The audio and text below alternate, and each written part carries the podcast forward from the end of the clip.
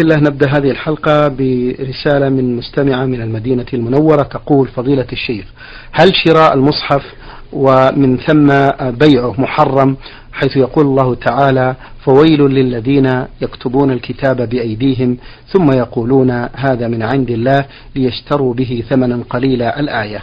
أرجو بهذا إفادة مأجورين الحمد لله رب العالمين وصلى الله وسلم على نبينا محمد وعلى آله وأصحابه ومن تبعهم بإحسان إلى يوم الدين.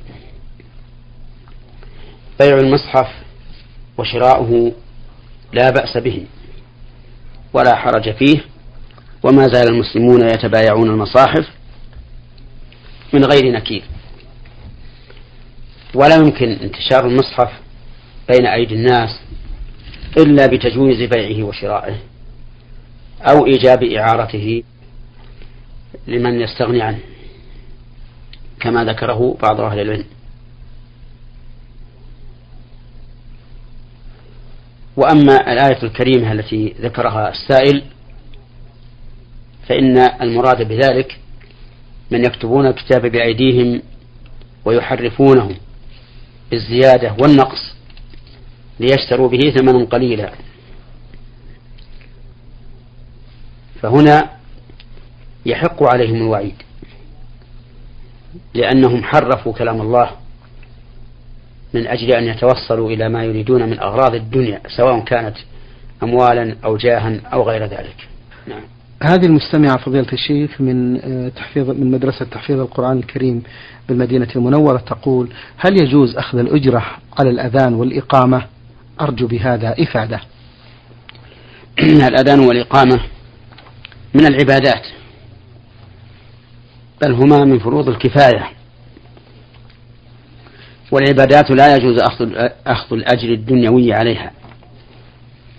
ولكن ما يؤخذ الآن من بيت المال للأئمة والمؤذنين فإنه ليس بأجرة. ولكنه رزق من بيت المال خصص لمن قام بهذا العمل العمومي الذي نفعه عام للناس جميعا. فلا حرج في أخذ الراتب للإمام والمؤذن. ولكن ينبغي للإمام والمؤذن ألا يكون همه الراتب وألا يجعل نيته أنه لولا الراتب لم يؤذن ولم يؤم الناس. بل يجعل الراتب تبعا وحينئذ لا ينقص من أجره شيء. أما إذا كان ليس له إلا ليس له إرادة إلا هذا الراتب الذي يتقاضاه من بيت المال فإنه ربما ينقص أجره كثيرا أو يحرم الأجر بالكلية. نعم. بارك الله فيكم. لها سؤال أخير تقول فضيلة الشيخ ما هو الضابط في لباس المرأة في الصلاة من حيث الستر وعدم الرقاقة؟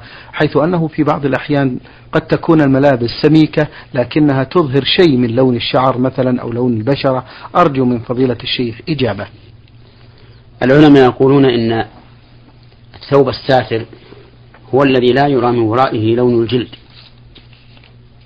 وأما ظل الجلد يعني أن يرى الإنسان ظل الأعضاء من وراء الأكمام فإن ذلك لا يمنع لكنه فيه نقص. فالثياب ثلاثة أقسام. قسم سميك لا يرى منه ظل العضو ولا لون البشرة فهذا أفضل ما يكون من الثياب. وقسم آخر يرى منه لون البشرة فهذا لا يجزئ ولا يكون وليس بساتر. والقسم الثالث بين هذا وهذا لا يرى منه اللون ولكن يرى منه الحجم فهذا مجزئ لكنه لا ينبغي. نعم. بارك الله فيكم. هذا المستمع ميم نون الرياض يقول فضيلة الشيخ أفيدكم بأنني مبتلى بمرض نفسي. ما هي الأدعية التي تكشف هذا المرض مع العلم؟ ما هي؟ ما هي الأدعية التي تكشف هذا المرض مع العلم بأنني لا أريد الذهاب إلى الأطباء والمرض دام معي أكثر من خمس سنوات مع الدعاء لي بالشفاء؟ بارك الله فيكم. نسأل الله أن يشفيه ويعافيه. الله فيك. أحسن ما يكون أن يقرأ الإنسان المعوذتين قل أعوذ برب الفلق قل أعوذ برب الناس وأن يقرأ سورة الإخلاص قل هو الله أحد. ويقرأ آية الكرسي والآيتين في آخر سورة البقرة. وما جاء عن النبي صلى الله عليه وآله وسلم من التعوذات المعروفة في كتب أهل العلم مثل كتاب الكلم الطيب والوابل الصيب والأذكار. ويراجع في هذا العلماء الذين عنده ليروه الأحاديث المناسبة للمرض الذي حل به. نسأل الله لنا وله الشفاء. هذه المستمعة إيمان علي الإمارات عجمان. تقول فضيلة الشيخ هل يجوز للمرأة المطلقة أن تسلم وتحكي مع طليقها علما بأن نعم. مع طليقها؟ علما بأن بينهما أولاد. أرجو من فضيلة الشيخ إجابة مأجورين. المرأة المطلقة إذا كان طلاقها دون الثلاث وعلى غير عوض ولها أولاد من زوجها أو لم يكن لها أولاد إذا كان قد دخل بها أو غيرها ما دخل بها أو جامعها. فإنها رجعية. نعم. وهي في حكم الزوجات. إلا ما استثني وعلى هذا فيجوز لها أن تكلم من طلقها وأن تتحدث إليه وأن تتجمل له وأن تكشف له وأن يخلو بها وأن يسافر بها فهي في حكم الزوجات. هذه المطلقة الرجعية التي له رجاتها في العدة. وأما إذا كان ليس لها رجعة بأن تكون الطلقة هذه آخر ثلاث تطليقات أو يكون الطلاق على عوض أو يكون الفراق بفسخ بسبب من الأسباب فإنها ليست في حكم الزوجات ولكن لزوجها أن يتكلم معها. وأن يتحدث إليها بلا خوف فتنة.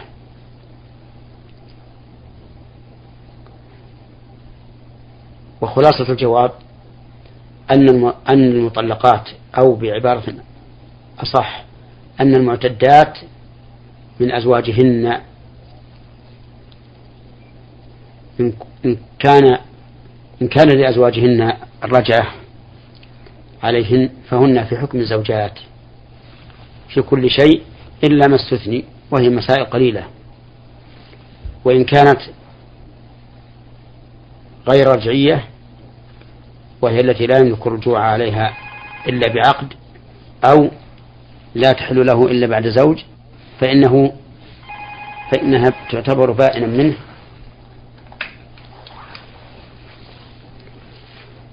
وإذا كانت بائنا فإنها ليست في حكم الزوجات لكن له أن يتكلم معها. نعم. بارك الله فيكم. تقول هذه السائلة من الإمارات بأنها ذهبت مرة إلى بلد أجنبي. تقول وكنت لا أعرف وقت الصلاة ولا القبلة ولكن كنت عندما يأتي وقت الصلاة في بلدي أتوضأ وأصلي في الاتجاه الذي ضمنت بأنه القبلة فهل علي شيء أرشدوني مأجورين؟ الواجب على من كان في بلد وهو لا يعرف القبلة أن يسأل عنه نعم. عن القبلة لأنه يمكنه أن يهتدي إلى القبلة بالسؤال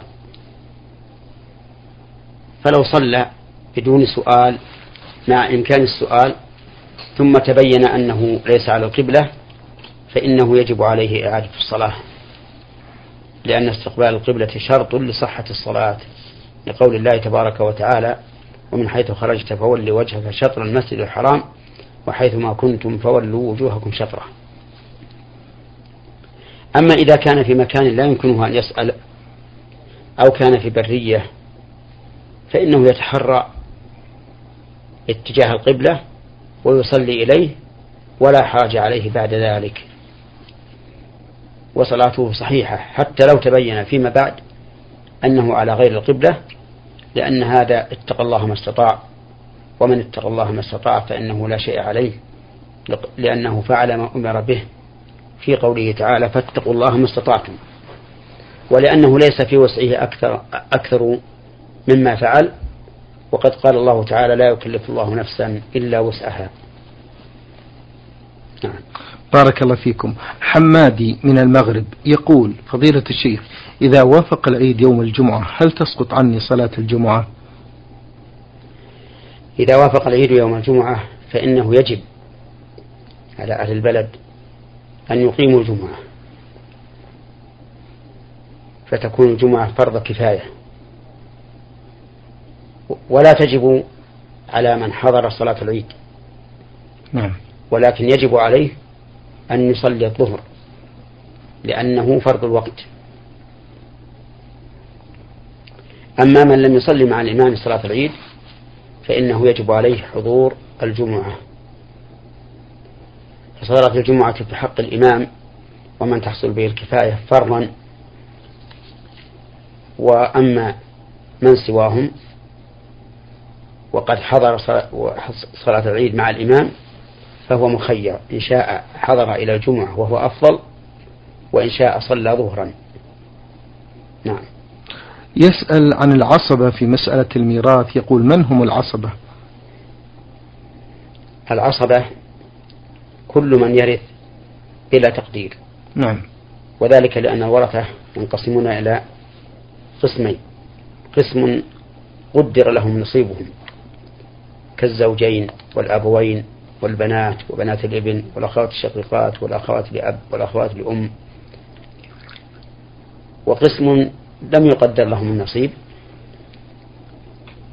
فمن قدر لهم النصيب هم أصحاب فروض ومن لم يقدر لهم النصيب فهم عصبة. فالعاصب هو الذي يرث بلا تقدير وحكمه أنه إذا انفرد أخذ جميع المال. وإن كان معه صاحب فرض أخذ ما بقي بعد فرضه وإن استغلقت الفروض التركة سقط. مثال ذلك الأخ الشقيق.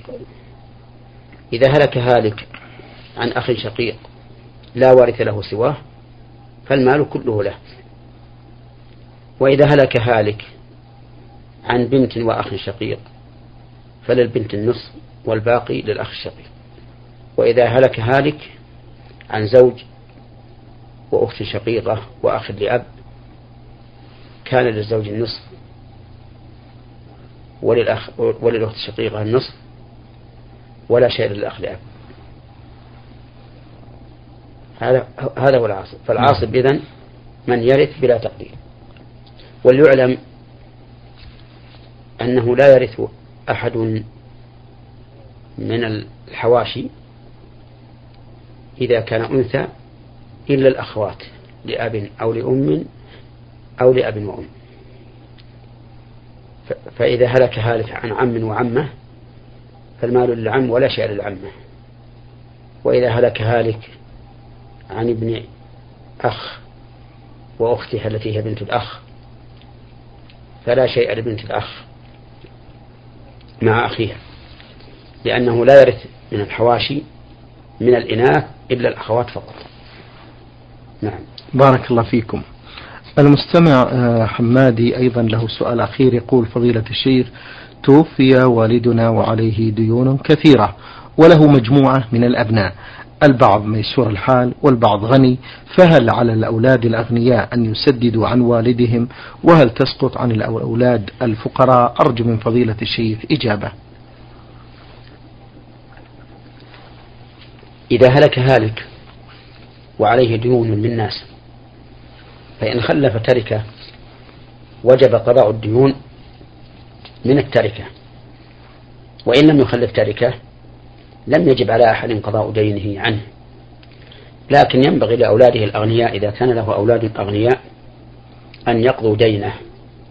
لأن هذا من البر. وإن لم يقضوا دينه فلا إثم عليهم. لقول الله تعالى ولا تزر وازرة وزر أخرى. نعم. بارك الله فيكم. هذا المستمع ميم عين يقول آه، لي ولد آه، في عمره حوالي تسع سنوات هل أوقظه لصلاة الفجر؟ نعم إذا كان الإنسان أولاد ذكور أو إناث. بلغوا عشر سنين فليوقظهم. وما دون ذلك؟ إن إن أيقظهم ليصلوا في الوقت فهذا هو الأفضل وإلا فلا فلا فلا إثم عليه. ولكن الاختيار أن يوقظهم. لقول النبي صلى الله عليه وسلم مروا أبناءكم بالصلاة لسبع واضربوهم عليها لعشر وفرغوا بينهم في المضاجع. نعم. بارك الله فيكم. هذا المستمع ميم عين من الرياض يقول فضيلة الشيخ ما هي المنافع الواردة في هذه الآية الكريمة؟ يسألونك عن الخمر والميسر قل فيهما إثم كبير ومنافع للناس. المنافع للناس ما يحصل من الاتجار الخمر ومن والمكاسب بالميسر وما يحصل من النشوة والطرب في الخمر وما يحصل من الفرح والسرور في الكسب في الميسر. وما يحصل كذلك من الحركة في العمال الذين يباشرون هذه الأعمال.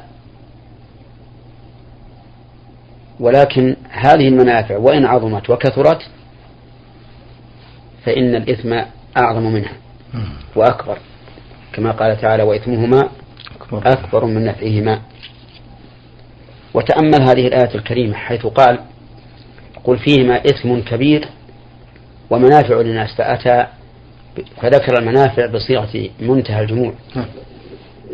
الدالة على الكثرة ومع ذلك فإن كثرتها ليست بشيء بالنسبة لما فيهما من الإثم الكبير وقد كان الخمر حلالا في أول الإسلام لقوله تعالى ومن ثمرات النخيل والأعناب تتخذون منه سكرا ورزقا حسنا.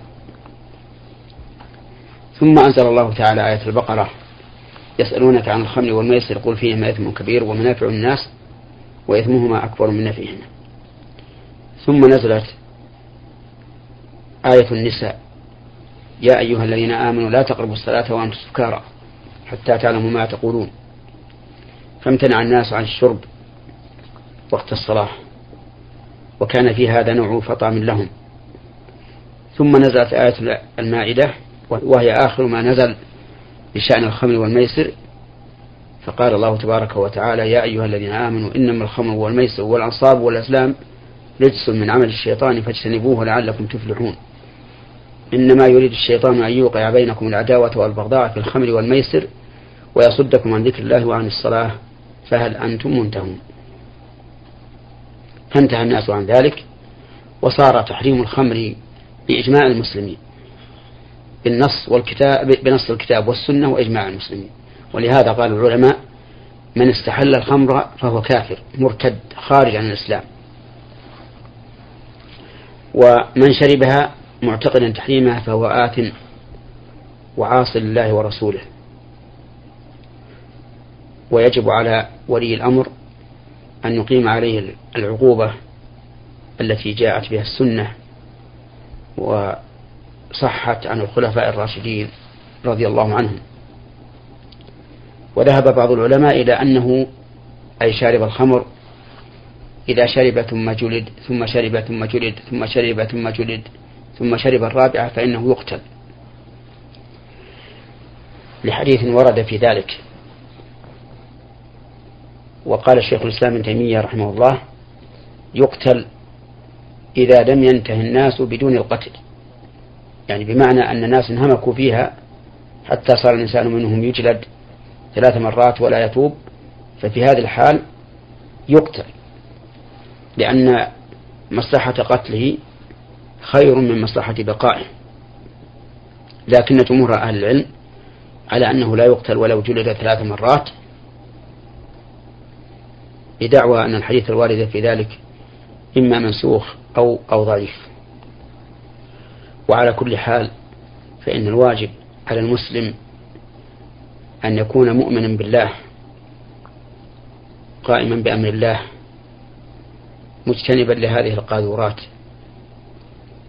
التي إن كان فيها نشوة ساعة من زمان ففيها مضرة أياما وشهورا. والخمر مفتاح كل شر. وأم الخبائث. وكم من إنسان سكر فطلق زوجته. وكم من إنسان سكر فزنى بمحارمه والعياذ بالله. وكم من إنسان سكر وقتل نفسا. وربما يقتل نفسه, نفسه. فالحاصل أن الواجب على المؤمن أن يتجنب مثل هذه القاذورات وأن يتقي الله عز وجل وأن يحمد الله الذي فضله على الحمد لله. كثير ممن خلق تفضيلا. الحمد لله. نعم. بارك الله فيكم فضيلة الشيخ. آه المستمع مصري يقول في هذا السؤال يقول خطيب الجمعة في مسجدنا في آخر الخطبة وأقم الصلاة. فهل هذا وارد عن السلف؟ لا أعلم هذا وارد عن السلف. أعني قول الخطيب إذا انتهى من الخطبة أقم الصلاة. إن الصلاة تنهى عن الفحشاء والمنكر. وعلى هذا فلا ينبغي للإمام أن يقولها. ولكن إذا انتهى من الخطبة نزل ثم أقيمت الصلاة. كما كان النبي صلى الله عليه وسلم يفعله وكذلك خلفاؤه الراشدون. وأما هذه الزيادة التي لم ترد عن رسول الله صلى الله عليه وسلم ولا عن الخلفاء الراشدين ولا قالها أحد من الأئمة فإنه ينهى عنها. نعم. المستمع طالب من إحدى الدول العربية يقول يدرسنا مدرس آه، حالق للحية ويلبس خاتما من ذهب ومقصر في بعض الأمور ومع ذلك يدرسنا المواد الشرعية. فهل يجوز لي أن أحضر هذه الدروس في المدرسة؟ أرجو الإفادة مأجوري. الإجابة على هذا الجواب تكون من شقين الشق نعم. الأول أنني أوجه نصيحة إلى هذا المدرس أن يتقي الله عز وجل في نفسه وأن يتقي الله في من يأخذون العلم عنه. لأن حلقه لحيته, لحيته حرام ولباسه خاتم الذهب حرام والتقصير في الواجبات حرام. فالواجب عليه أن لا يكون من العلماء الذين لم ينتفعوا بعلمه. الواجب عليه أن يتقي الله في من يتلقون العلم عنه لأن الذين يتلقون العلم عنه سوف يحذون حذوه نعم. إلا أن يشاء الله.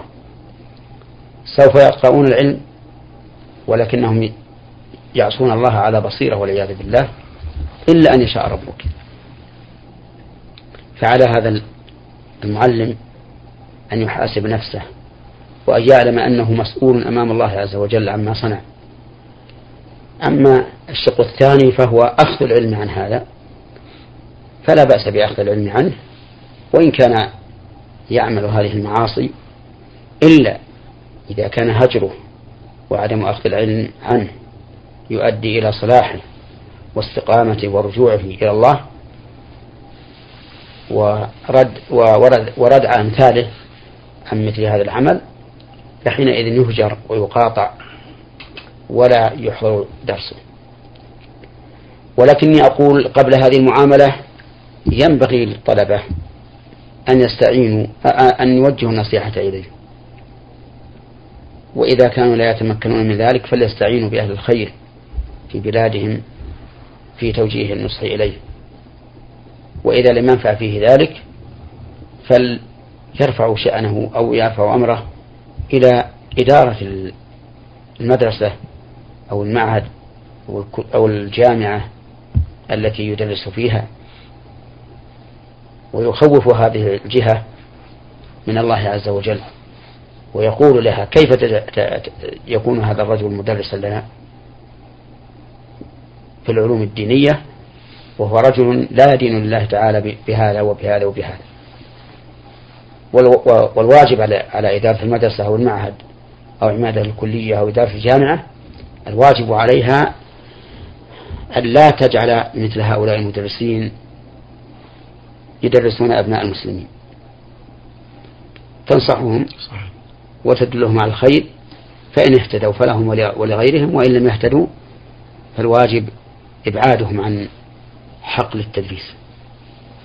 نعم. نختم هذا اللقاء فضيلة الشيخ محمد بسؤال من السائلة أم مريم تقول فضيلة الشيخ هل هناك آيات واردة تقرأ؟ هل, هل هناك آيات واردة تقرأ بغرض تسهيل الولادة بالنسبة للمرأة؟ لا أعلم في ذلك شيئا من السنة لكن إذا قرأ الإنسان على الحامل التي أخذها الطلق ما يدل على التيسير مثل يريد الله بكم اليسر ولا يريد بكم العسر ويتحدث عن الحمل والوضع مثل قوله تعالى وما تحمل من أنثى ولا تضع إلا بعلمه ومثل قوله تعالى إذا زلزلت الأرض زلزالها وأخرجت الأرض أثقالها فإن هذا نافع ومجرب بإذن الله والقرآن كله شفاء. إذا كان القارئ والمقروء عليه مؤمنا بأثره وتأثيره فإنه لا بد أن يكون له أثر.